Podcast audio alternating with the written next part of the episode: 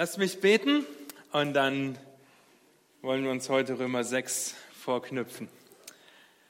Herr, habt du Dank dafür, dass du heilig bist, dass die Engel singen heilig, heilig, heilig, dass wir erkennen dürfen, dass du heilig bist. Vor allem, dass wir erkennen dürfen, weil du heilig bist, dass wir durch deine Gnade zu Heiligen gemacht sind und dass du von uns möchtest, dass wir heilig wandeln, dass wir heilig sind. Und so bitte gib du Gnade für diesen Text aus Römer 6, dass wir ermutigt sein dürfen, auch heilig zu wandeln, weil wir heilig sind, Herr. Amen.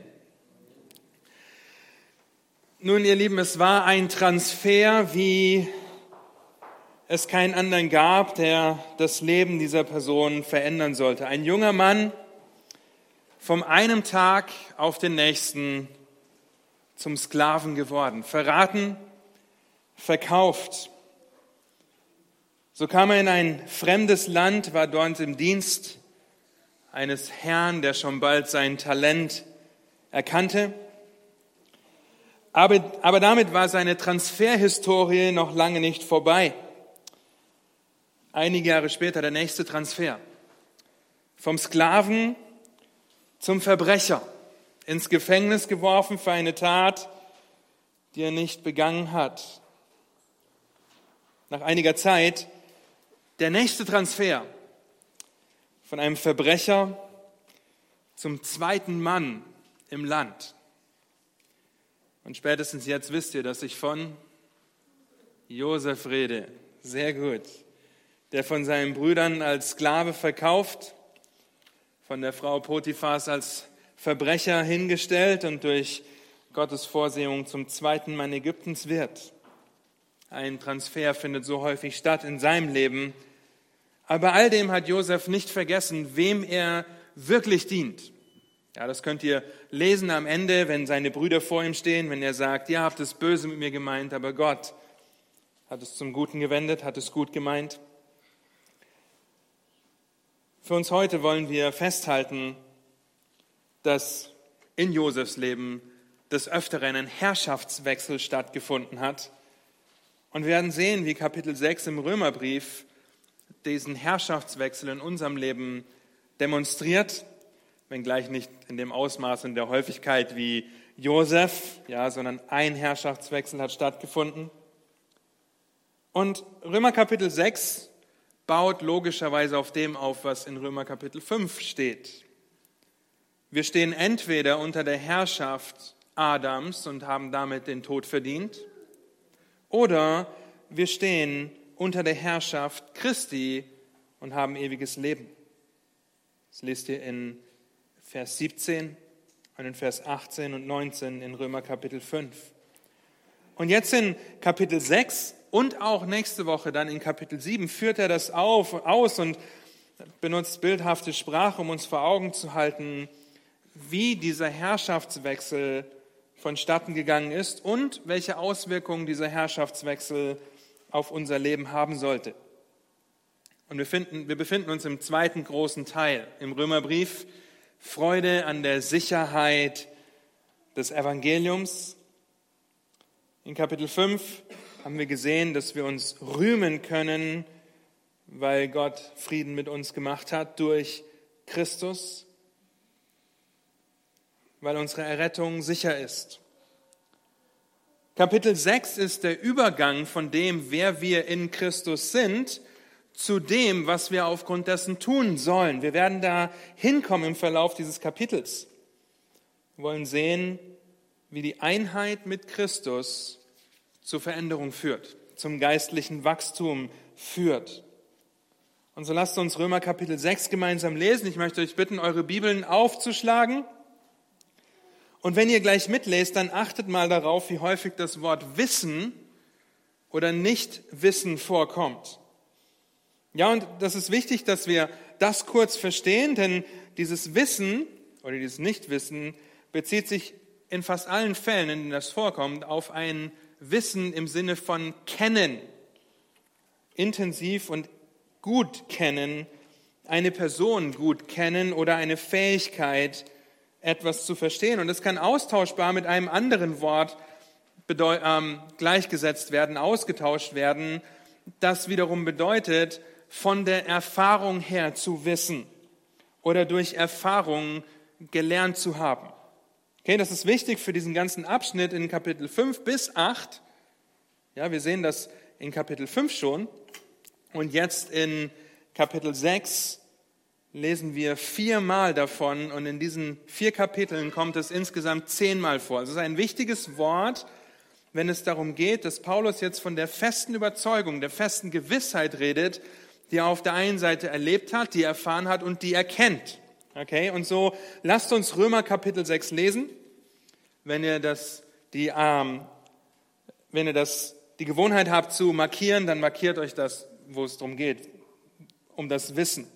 Römer Kapitel 6, wir lesen das ganze Kapitel. Gottes Wort sagt, was sollen wir nun sagen? Sollen wir in der Sünde verharren, damit das Maß der Gnade voll werde? Das sei ferne. Wie sollten wir, die wir der Sünde gestorben sind, noch in ihr leben? Oder wisst ihr nicht, dass wir alle, die wir in Christus Jesus hineingetauft sind, in seinen Tod getauft sind? Wir sind also mit ihm begraben worden durch die Taufe in den Tod, damit Gleich wie Christus durch die Herrlichkeit des Vaters aus den Toten auferweckt worden ist, so auch wir in einem neuen Leben wandeln. Denn wenn wir mit ihm eins gemacht und ihm gleich geworden sind in seinem Tod, so werden wir ihm auch in der Auferstehung gleich sein.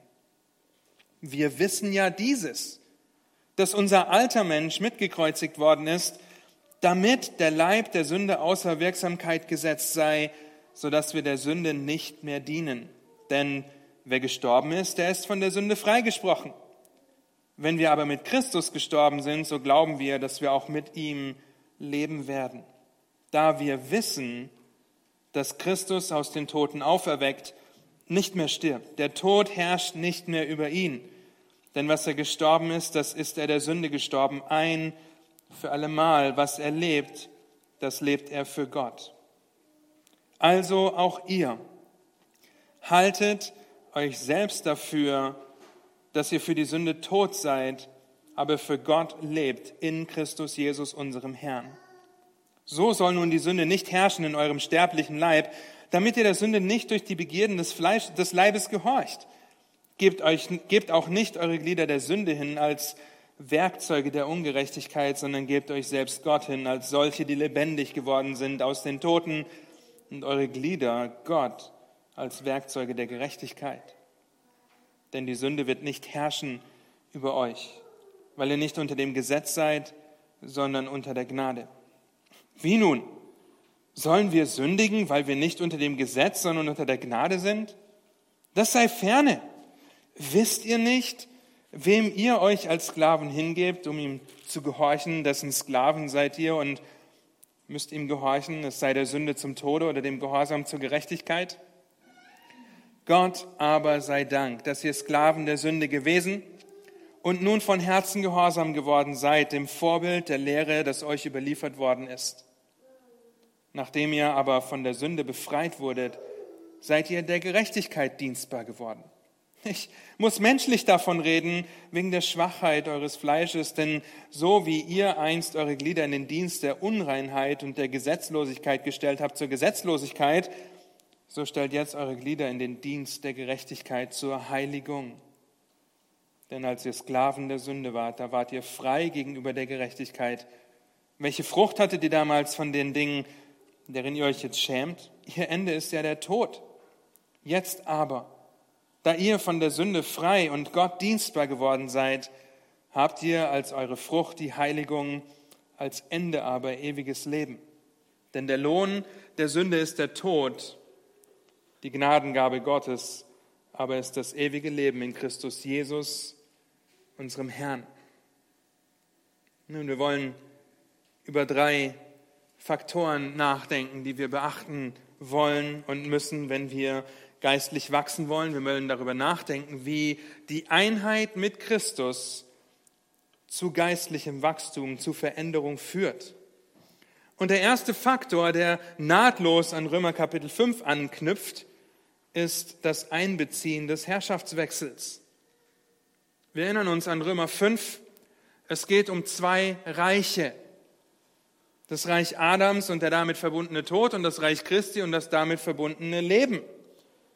Zusammengefasst gab es einen Herrschaftswechsel, hat ein Herrschaftswechsel in deinem Königreich stattgefunden, als du errettet wurdest. Das macht Paulus in den ersten elf Versen von Kapitel 6 deutlich. Und wenn wir das nicht mit einbeziehen oder dieser Herrschaftswechsel in deinem Leben noch nicht stattgefunden hat, dann wird geistliche Veränderung oberflächlich, temporär oder überhaupt nicht stattfinden. Und Paulus beantwortet zunächst die Frage, ob wir denn, weil die Gnade jetzt herrscht, was wir in 5 Vers 20 und 21 sehen, ob wir denn dann fröhlich sündigen können. Genau genommen ist das das ganze Argument von Kapitel 6, weil in Vers 15 findet ihr diese Frage wiederholt. Die Antwort von Paulus? Me genoito. Ihr habt das schon gehört. Me genoito. Auf gar keinen Fall. Völlig ausgeschlossen. Es gibt keine anderen Worte, die schärfer dem widersprechen würden, dieser Frage widersprechen würden, als me genoito. Völlig ausgeschlossen. Das sei ferne. Warum wird er im Folgenden beantworten? Nun, der Tod ist automatisch Trennung. Ihr würdet alle zustimmen. Ja, ob geistliche Trennung von Gott, ob körperliche Trennung, wenn wir sterben, oder ewige Trennung, die Ewigkeit getrennt von Gott zu verbringen. Tod ist Trennung. Das Argument von Paulus in Versen 2 und 3 ist, wenn der Christ der Sünde gestorben ist, ist er von ihr getrennt, weil er der Sünde gestorben ist. Der Tod, der Tod ist eingetreten. Paulus macht also von Anfang an deutlich, dass ein Christ nicht in der Sünde verharren kann, weil er der Sünde gestorben ist. Was er nicht sagt, ist, dass die Sünde gestorben ist. Ja, sonst würden wir heute hier sitzen und nicht mehr sündigen und müssten uns nicht über geistliches Wachstum unterhalten, sondern wir sind der Sünde gestorben. Die Auswirkungen sehen wir gleich noch. Durch den Tod trat eine Trennung auf. Wir sind in den Tod getauft. Den Tod, den wir in Versen 3 bis 5 sehen, sehen wir hier, dass Paulus das Bild der Taufe benutzt. In den Tod getauft, damit wir leben. Jesu Tod am Kreuz war nicht das Ende der Erlösung. Ja, in, in 4 Vers 25 lesen wir, dass Christus um unserer Rechtfertigung willen, dass es uns angerechnet wird, diese Gerechtigkeit, dass er auferweckt wurde. Die Auferstehung ist also zum einen integraler Bestandteil der Evangeliumsverkündigung, aber was hat es jetzt genau mit der Taufe in Kapitel 6 auf sich? Wir benutzen das vielleicht manchmal, wenn wir eine Taufe haben, ja, aber was von vornherein ausgeschlossen werden kann, was wir im Kontext dieser Stelle sehen, ist, dass es sich um die wörtliche Wassertaufe dreht. Okay, es geht nicht um die wörtliche Wassertaufe, denn auf der einen Seite tauchen wir die Geschwister nicht so lange unter, dass sie sterben. Das wäre schlecht. Und auf der anderen Seite haben wir nicht die Macht, sie danach wieder zu beleben. Okay? Der Text hier zeigt auf, was diese geistliche Taufe, wie das gemeint ist. Baptizo ist das griechische Wort und es bedeutet wortwörtlich das griechische Wort für taufen, versenken, untertauchen oder ertränken. Ja, es wurde zum Beispiel verwendet, wenn ein Schiff versenkt wurde. Das heißt, mit Christus in den Tod getauft, hat zur Folge, dass wir mit ihm begraben sind. Diese Taufe und das Begräbnis, diese zwei Worte, bezeichnen das Ende von etwas.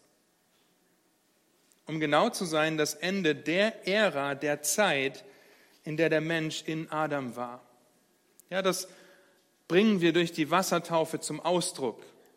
Aber die Wassertaufe ist hier nicht gemeint, sonst hätten die ein Problem, die sich bekehren, nicht getauft werden und am nächsten Tag sterben.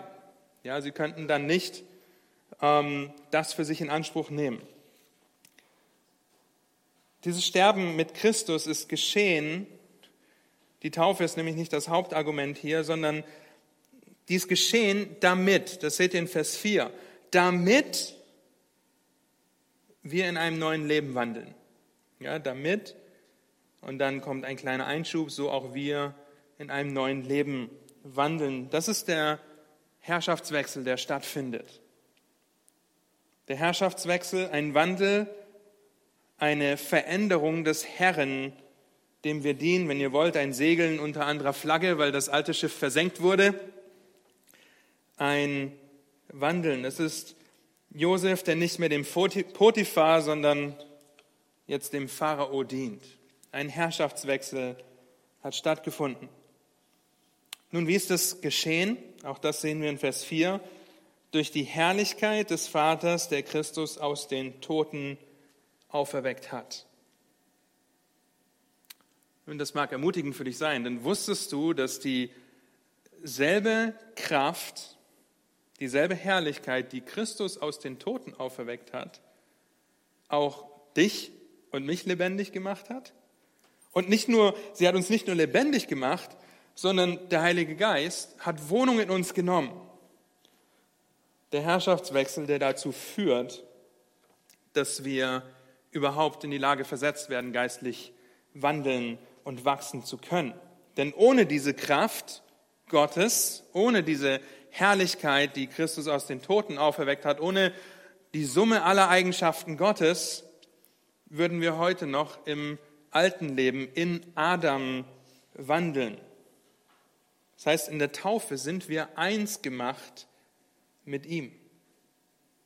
Und eine Aufgabe, die ihr habt, wäre das Lied Vereint durch Jesu Tod am Kreuz zu hören. Das findet ihr online. Hört euch das Lied an oder singt es in eurem Kopf nach der Predigt, ja, damit ihr euch auf das konzentrieren könnt, was wir sagen. Wir sind eins gemacht mit Christus. Paulus konzentriert sich auf die unzertrennbare Beziehung mit Christus in seinem Tod, aber auch in seiner Auferstehung. Ja, wenn, wenn diese Beziehung untrennbar ist, dann sehen wir, dass wir ihm im Tod gleich geworden sind in Vers 5 und dass wir ihm in der Auferstehung gleich sind. Gleich sein bedeutet, dieselbe Gestalt, dieselbe Form zu haben. Ja, zum Beispiel in der Septuaginta, der griechischen Übersetzung des Alten Testaments, findet ihr dieses Wort, wenn Gott sagt, dass der Mensch Gott ähnlich ist. Okay? Gott ähnlich. Er soll im Bild Gottes, schuf er ihn, lasst uns den Menschen schaffen in unserem Bild, uns ähnlich. Das ist dasselbe Wort, was Paulus hier benutzt, dass wir gleich sind. Im Neuen Testament findet ihr das Wort auf Christus bezogen, der die gleiche Gestalt wie die Menschen annahm. In Philippa 2, auch in Römer 8 findet ihr das. Das heißt, wir sind ihm gleich geworden, eins gemacht in seinem Tod und auch in der Auferstehung, eins gemacht ihm gleich. Und die Frage, die sich jetzt vielleicht stellt, ist, okay, wann ist dieser Zeitpunkt gewesen? Und wann werden wir Christus in der Auferstehung gleich sein? Das sind Fragen, die sich ergeben.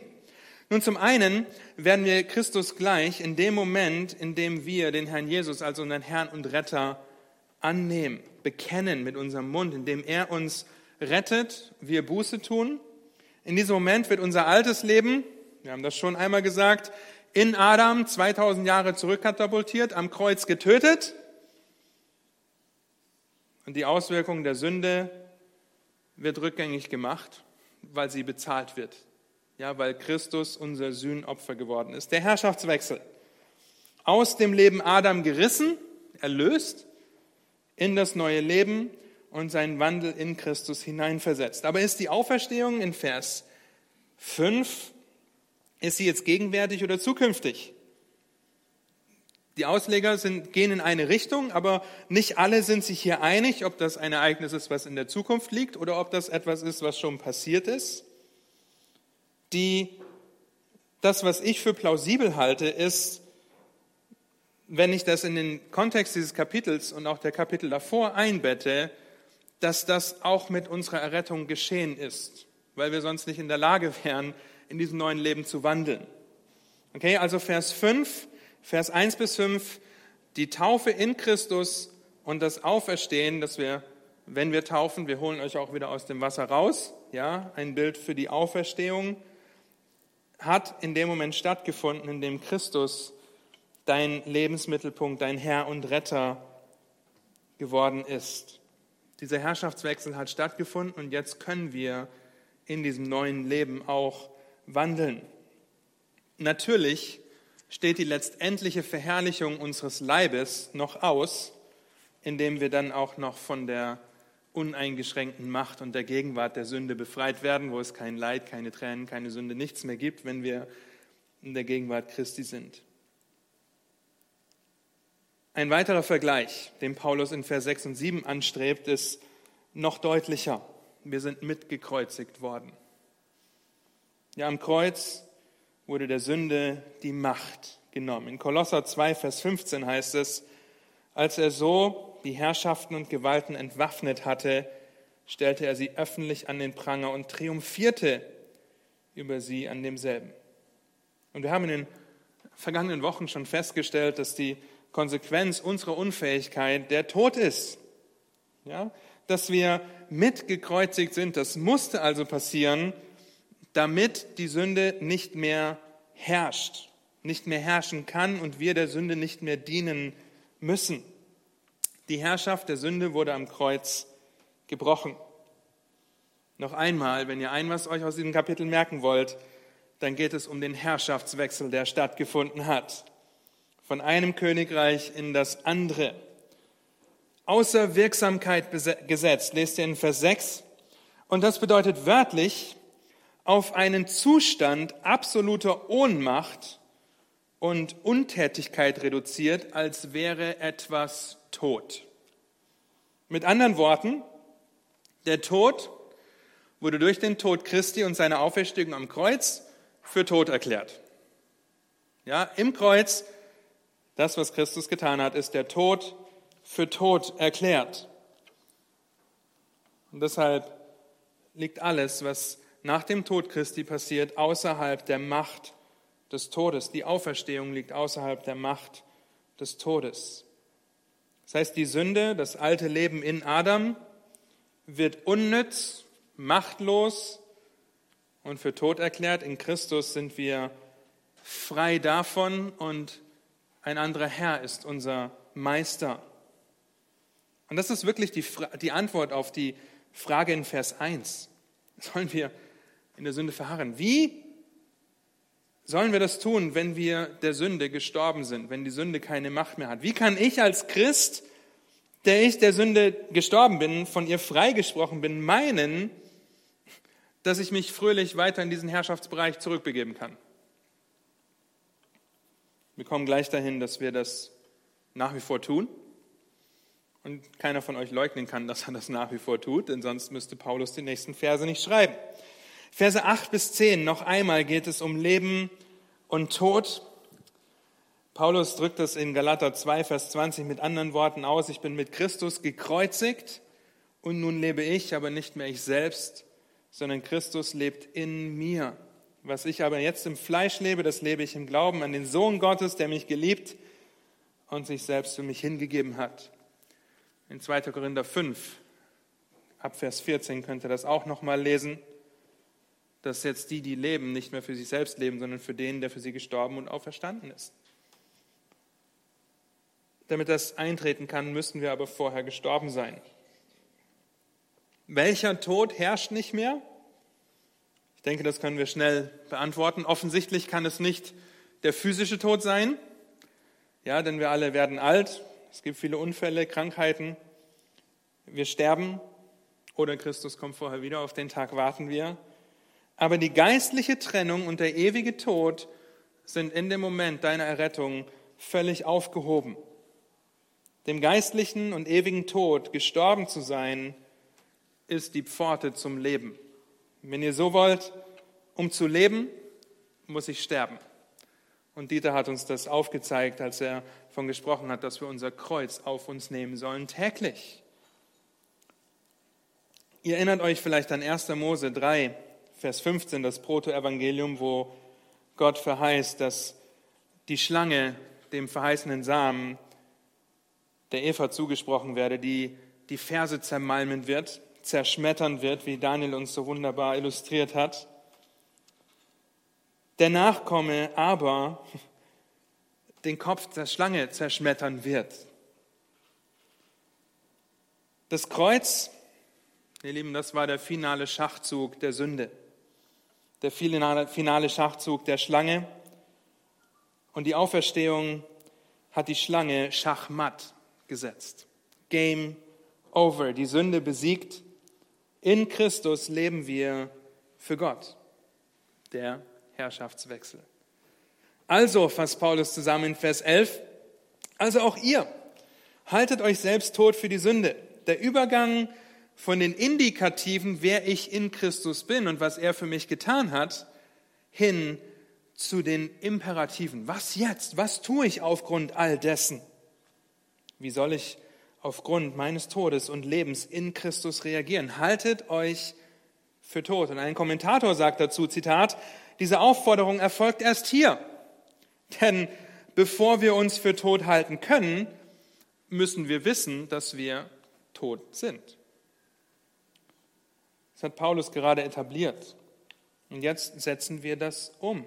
Jetzt fordert die Römer auf, haltet euch für tot. Wenn in deinem Leben der Herrschaftswechsel stattgefunden hat, sollte das Auswirkungen darauf haben, wie du lebst, was du sagst, was du denkst und was du tust. Und allein der Gedanke daran, der Einladung der Sünde zu folgen, sollte uns eigentlich krank vorkommen.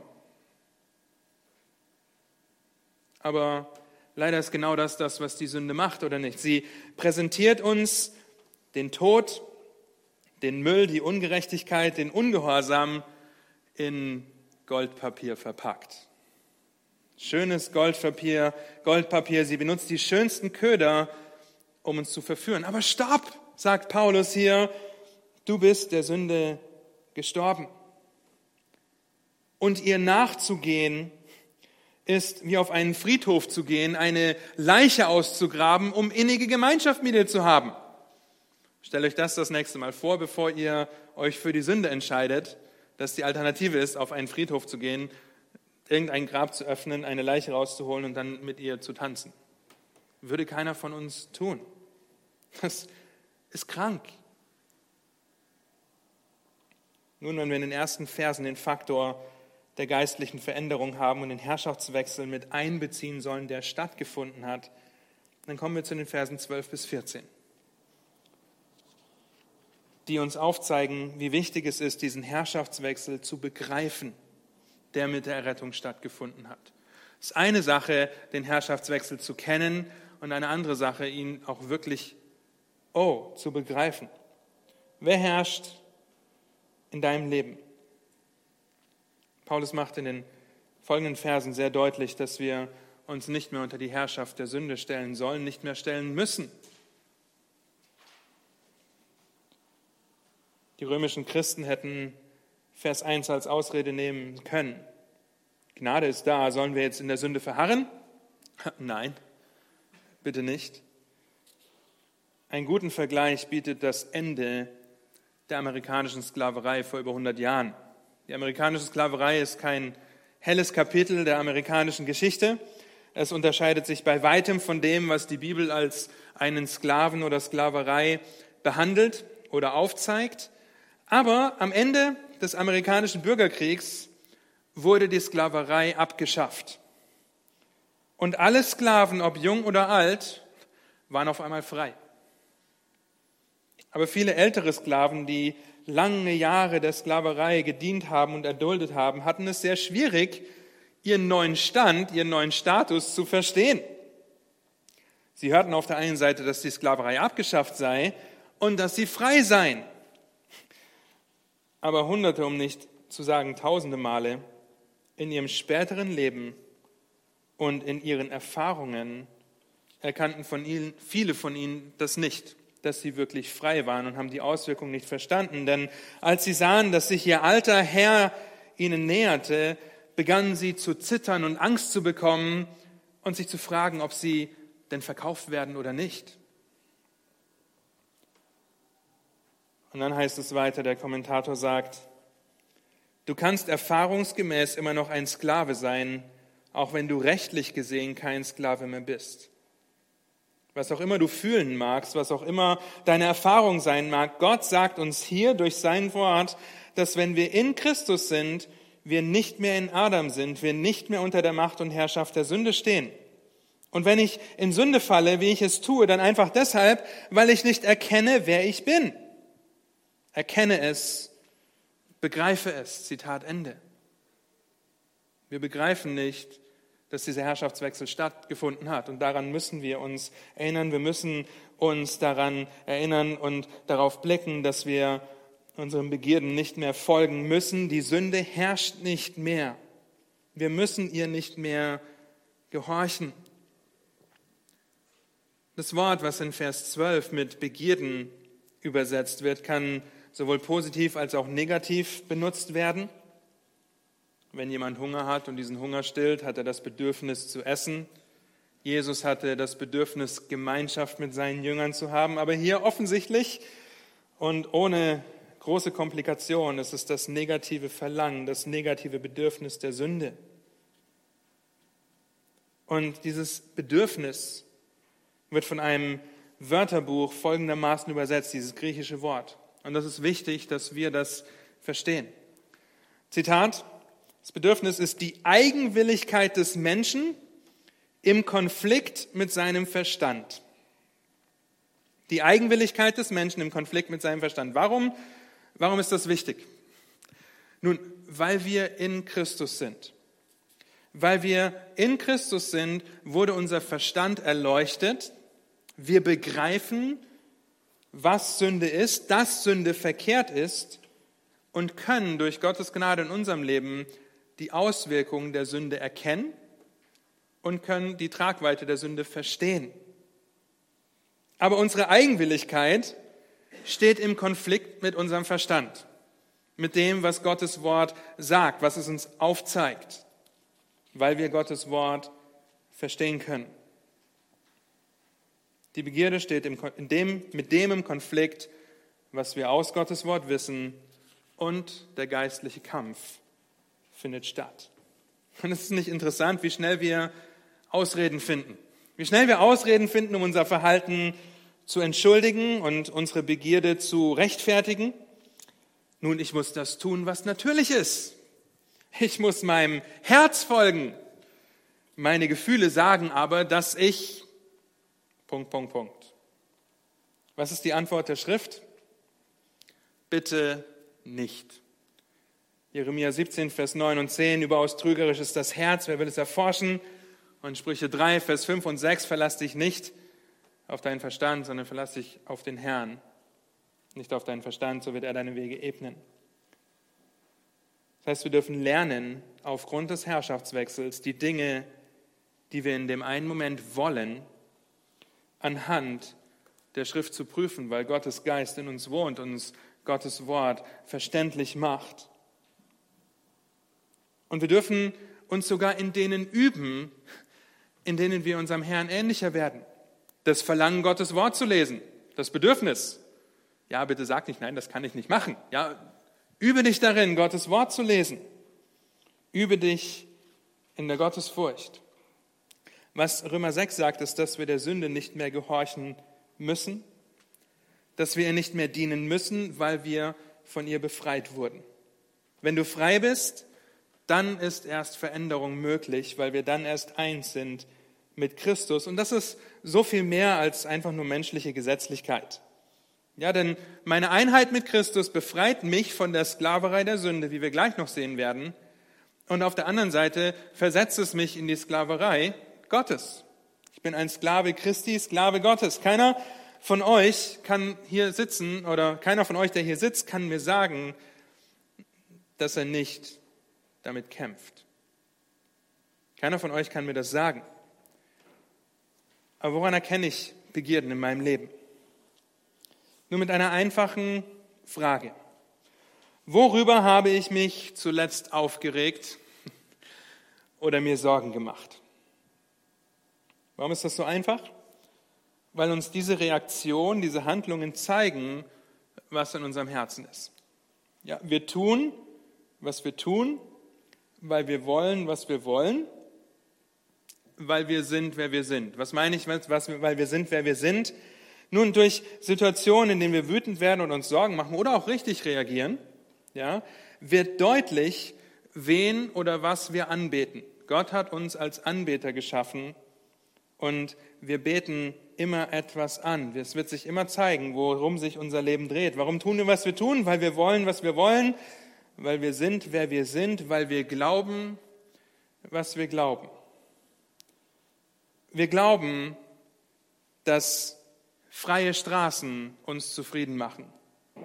Wir glauben, dass gehorsame Kinder uns zufrieden machen. Wir glauben, dass ein Ehepartner uns zufrieden macht. Wir glauben, dass Besitz uns zufrieden macht. Begierde gaukelt uns immer etwas vor, was wir meinen zu brauchen, damit es uns gut geht. Und wir bekommen das nur durch Sünde. Der Wunsch nach Anerkennung ist nicht verkehrt. Diese Anerkennung aber im Job, bei deinem Chef oder deinen Arbeitskollegen zu suchen, schon. Der Wunsch nach Sicherheit ist nicht verkehrt. Diese Sicherheit aber in den Kindern, seinem Ehepartner, seinen Beziehungen oder seinem Besitz zu suchen, schon, es wird dich nicht zufrieden machen. Begierde lockt und wir sind der Sünde gestorben, damit wir uns nicht mehr in den Herrschaftsbereich begeben müssen. Und trotzdem kämpfen wir. Wie viel Zeit verbringst du auf Instagram, YouTube, Netflix und Co? Was hörst du dir an? Was liest du? Mit wem redest du? Über was redest du? Worüber regst du dich auf? Worüber machst du dir Sorgen? Analysiere mal so eine Situation das nächste Mal. Warum tue ich eigentlich, was ich tue? um zu sehen, wo deine Begierde dich dazu verleitet, weil es ein Köder ist, der dich lockt und du die Sünde herrschen lässt. Nun können wir natürlich weiter Ausreden finden. in meinem Fall musste ich wütend werden, weil so und so, vielleicht weil ich klein bin ja, oder weil meine Eltern immer wütend waren. Äh, ich bin einfach kontrollierend und aufbrausend, weil meine Eltern mich so erzogen haben. Ich brauche Annahme, weil meine Eltern mich nicht angenommen haben. Wir sind so schnell dabei zu vernachlässigen, dass wir uns im Endeffekt selbst als Werkzeuge der Sünde hingeben, wenn wir diesen Begierden folgen und es noch schlimmer machen, wenn wir die Verantwortung dafür woanders suchen. Denn dann werden wir nicht anfangen, in unserem eigenen Herz zu schauen.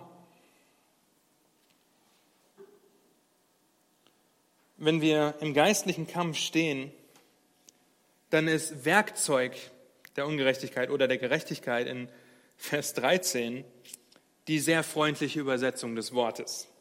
Okay? Denn dieses Wort ist besser mit Waffe zu übersetzen. Du gibst dich als Waffe der Ungerechtigkeit hin. Und im Endeffekt dient diese Waffe der Ungerechtigkeit dazu, dass du dich selber umbringst. Das ist nicht schön, der geistliche Kampf, der, wenn wir der Sünde nachgeben, dazu führt, dass wir uns selber töten, dass wir der Sünde erliegen, der Begierde erliegen, dann werden wir stecken bleiben, dann werden wir nicht wachsen. Und Paulus sagt, geb dich nicht als Waffe der Ungerechtigkeit hin. Ich sage dir, geb dich nicht als Waffe der Ungerechtigkeit hin.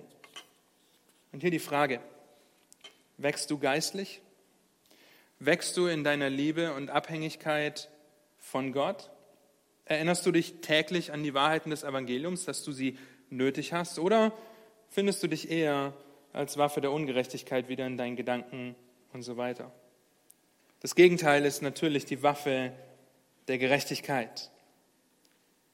Gebt euch als Werkzeuge Gott hin, Werkzeug der Gerechtigkeit, und schon wieder geht es um Tod. Immer diese schmerzhafte Trennung von etwas. Tod ist schmerzhaft von einem geliebten Familienangehörigen getrennt zu werden, ist schmerzhaft. Wenn wir Sünde liebgewonnen haben und lernen, dass es Sünde ist und wir dagegen kämpfen müssen, ist das schmerzhaft? Ja, es ist ein Kampf, in dem wir stehen, der mit Anstrengung, mit Schweiß, mit Tränen verbunden ist. Aber wisst ihr was? Vers 13 sagt, dieser Kampf ist es wert. Vers 14 sagt, dieser Kampf ist es wert, weil die Sünde nicht herrscht, weil wir unter Gnade sind. Die Gnade herrscht durch den Heiligen Geist. Das heißt es, sich als Waffe der Gerechtigkeit hinzugeben? Es bedeutet, sich an dem festzuhalten und in dem aufzuhalten, was die Schrift sagt. Nicht etwas aus dem Wort Gottes zu machen, was ich will. Gott ist ein heiliger Gott und so soll unser Leben heilig sein. Sind wir in Gottes Wort zu Hause? Lesen wir es? Leben wir es? Wenden wir es an? Das werden wir tun, wenn wir begreifen, dass dieser Herrschaftswechsel stattgefunden hat. Nicht nur, dass wir diesen Herrschaftswechsel begreifen sollen, sondern für Wachstum, für Veränderungen durch die Einheit mit Christus ist es drittens nötig, auf die Auswirkungen des Herrschaftswechsels zu blicken. Und das sind Verse 15 bis 23. Vers 15 erstellt Paulus erneut die Frage, sollen wir sündigen, weil wir unter der Gnade sind? Nochmal, me geneuto, das sei ferne. Und jetzt kommt er zu der Auswirkung, die wir vorhin schon festgestellt haben. Und die Auswirkung ist, und was wir hier lernen können, ist, dass der Mensch niemals völlig frei ist. Er ist entweder ein Sklave der Sünde oder er ist ein Sklave Gottes der Gerechtigkeit. Wir sind immer Sklaven. Nicht das Verhalten ist das Problem, sondern unser Herz. Unsere Motive, unsere Anbetung werden immer von jemand oder etwas anbeten. Die Frage ist nur, wen oder was beten wir an? Leben wir als Sklave Gottes oder lassen wir uns von der Sünde versklaven? Vers 17, diese wunderbaren ersten vier Worte. Gott aber sei Dank, dass er uns befreit hat. Und die Auswirkungen sind enorm. Denn ein Sklave wird immer das tun, was sein Herr ihm sagt.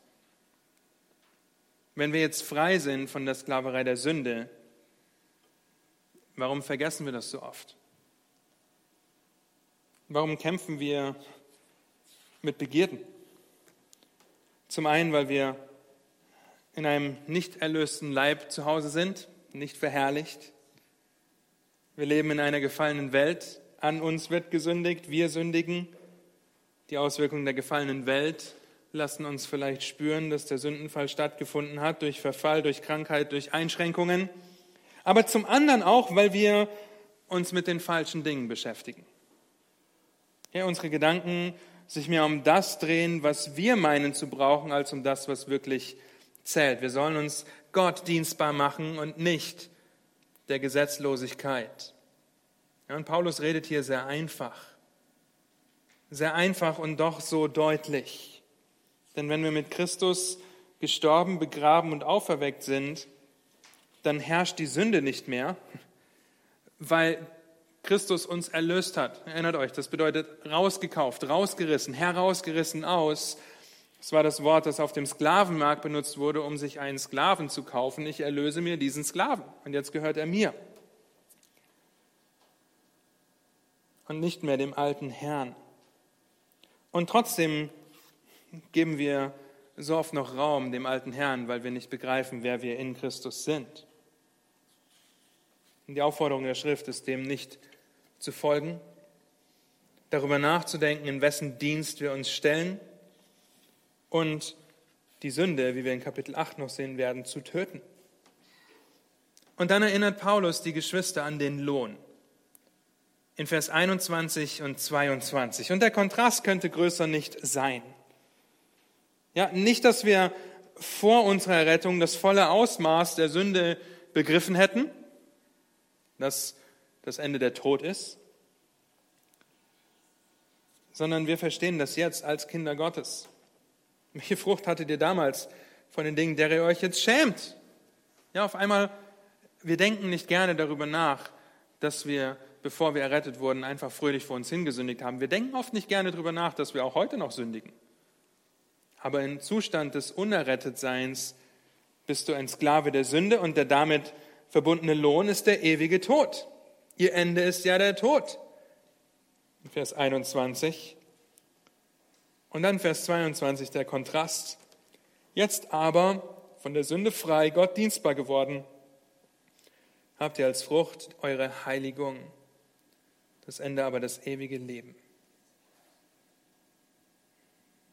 Nun, warum um alles in der Welt tue ich noch das, was des Todes würdig ist, aber nicht mehr unter dem Tod stehe? Das werden wir nächste Woche in Kapitel 7 näher anschauen. Dieses Argument, was ähm, in Kapitel 6, Vers 15 anfängt, zieht sich durch bis Kapitel 7, Vers 6. Dann kommt die nächste Frage, was sollen wir nun dazu sagen? Aber Vers 22 nochmal, das ist eine wunderbare Kette der Bestätigung, dass wir Sklaven Gottes sind. Denn wir können uns die Frage stellen, bin ich von der Sünde frei gemacht? Habe ich den Herrn Jesus Christus als mein Herrn und Retter bekannt und anerkannt, mich in seine Abhängigkeit gestellt? Dann bin ich Gottes Sklave geworden. Gott dienstbar geworden, in die Sklaverei Gottes gestellt. Das wirst du daran sehen, dass du die Frucht der Heiligung bringst und dass andere um dich herum sehen, dass du geistlich wächst, weil du dir diesen, dieses neuen Standes bewusst bist. Bringst du die Frucht der Heiligung, dass du geistlich wächst, dass du Christus ähnlicher wirst und dann das Ende ist das ewige Leben, das jetzt schon begonnen hat das aber auch in Ewigkeit fortgeführt wird, wenn unser Leib auch noch von der Gegenwart der Sünde befreit wird. Der Kontrast zwischen Leben und Tod könnte krasser nicht sein, denn der Lohn der Sünde ist der Tod.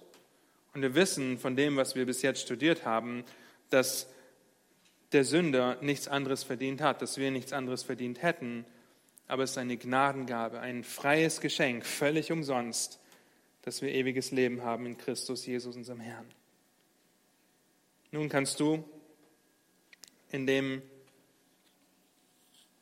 Ganzen dich wiederfinden, kannst du den Moment oder eine bestimmte Zeitspanne in deinem Leben feststellen, in dem du deine Sünde bekannt und dein Vertrauen auf den Herrn Jesus Christus als deinen Erlöser gesetzt hast? Ich weiß, etliche von euch würden das zustimmen und sagen, ja, dieser Herrschaftswechsel hat stattgefunden. Wenn du das weißt und dieser Herrschaftswechsel stattgefunden hat, handelst du dementsprechend in deinem Leben, in deinem Denken, in deinem Handeln, in deinem Reden? Zeigt sich das und sieht man, wessen Sklave du bist? Die Einheit mit Christus führt zu Veränderung, weil der Herrschaftswechsel stattgefunden hat. Und deshalb die Aufforderung an dich, lebe das aus, wer du schon bist. Amen. Amen. Lass mich noch beten. Herr, du Dank dafür, dass du treu bist, dass du uns freigekauft hast, dass wir mit dir gestorben sind, mit dir begraben sind in der Taufe und der Auferstehung, dass wir in einem neuen Leben wandeln können. Und so bitte gib du Gnade in der kommenden Woche, dass wir darüber nachdenken und selbst prüfen, wo wir nach wie vor vielleicht vergessen, dass wir frei sind von der Sklaverei der Sünde. Dass wir frei davon sind, weil du uns in deinen Dienst gestellt hast. Lass du unser Leben würdig sein für dich, zu deiner Ehre, Herr. In Jesu Namen. Amen.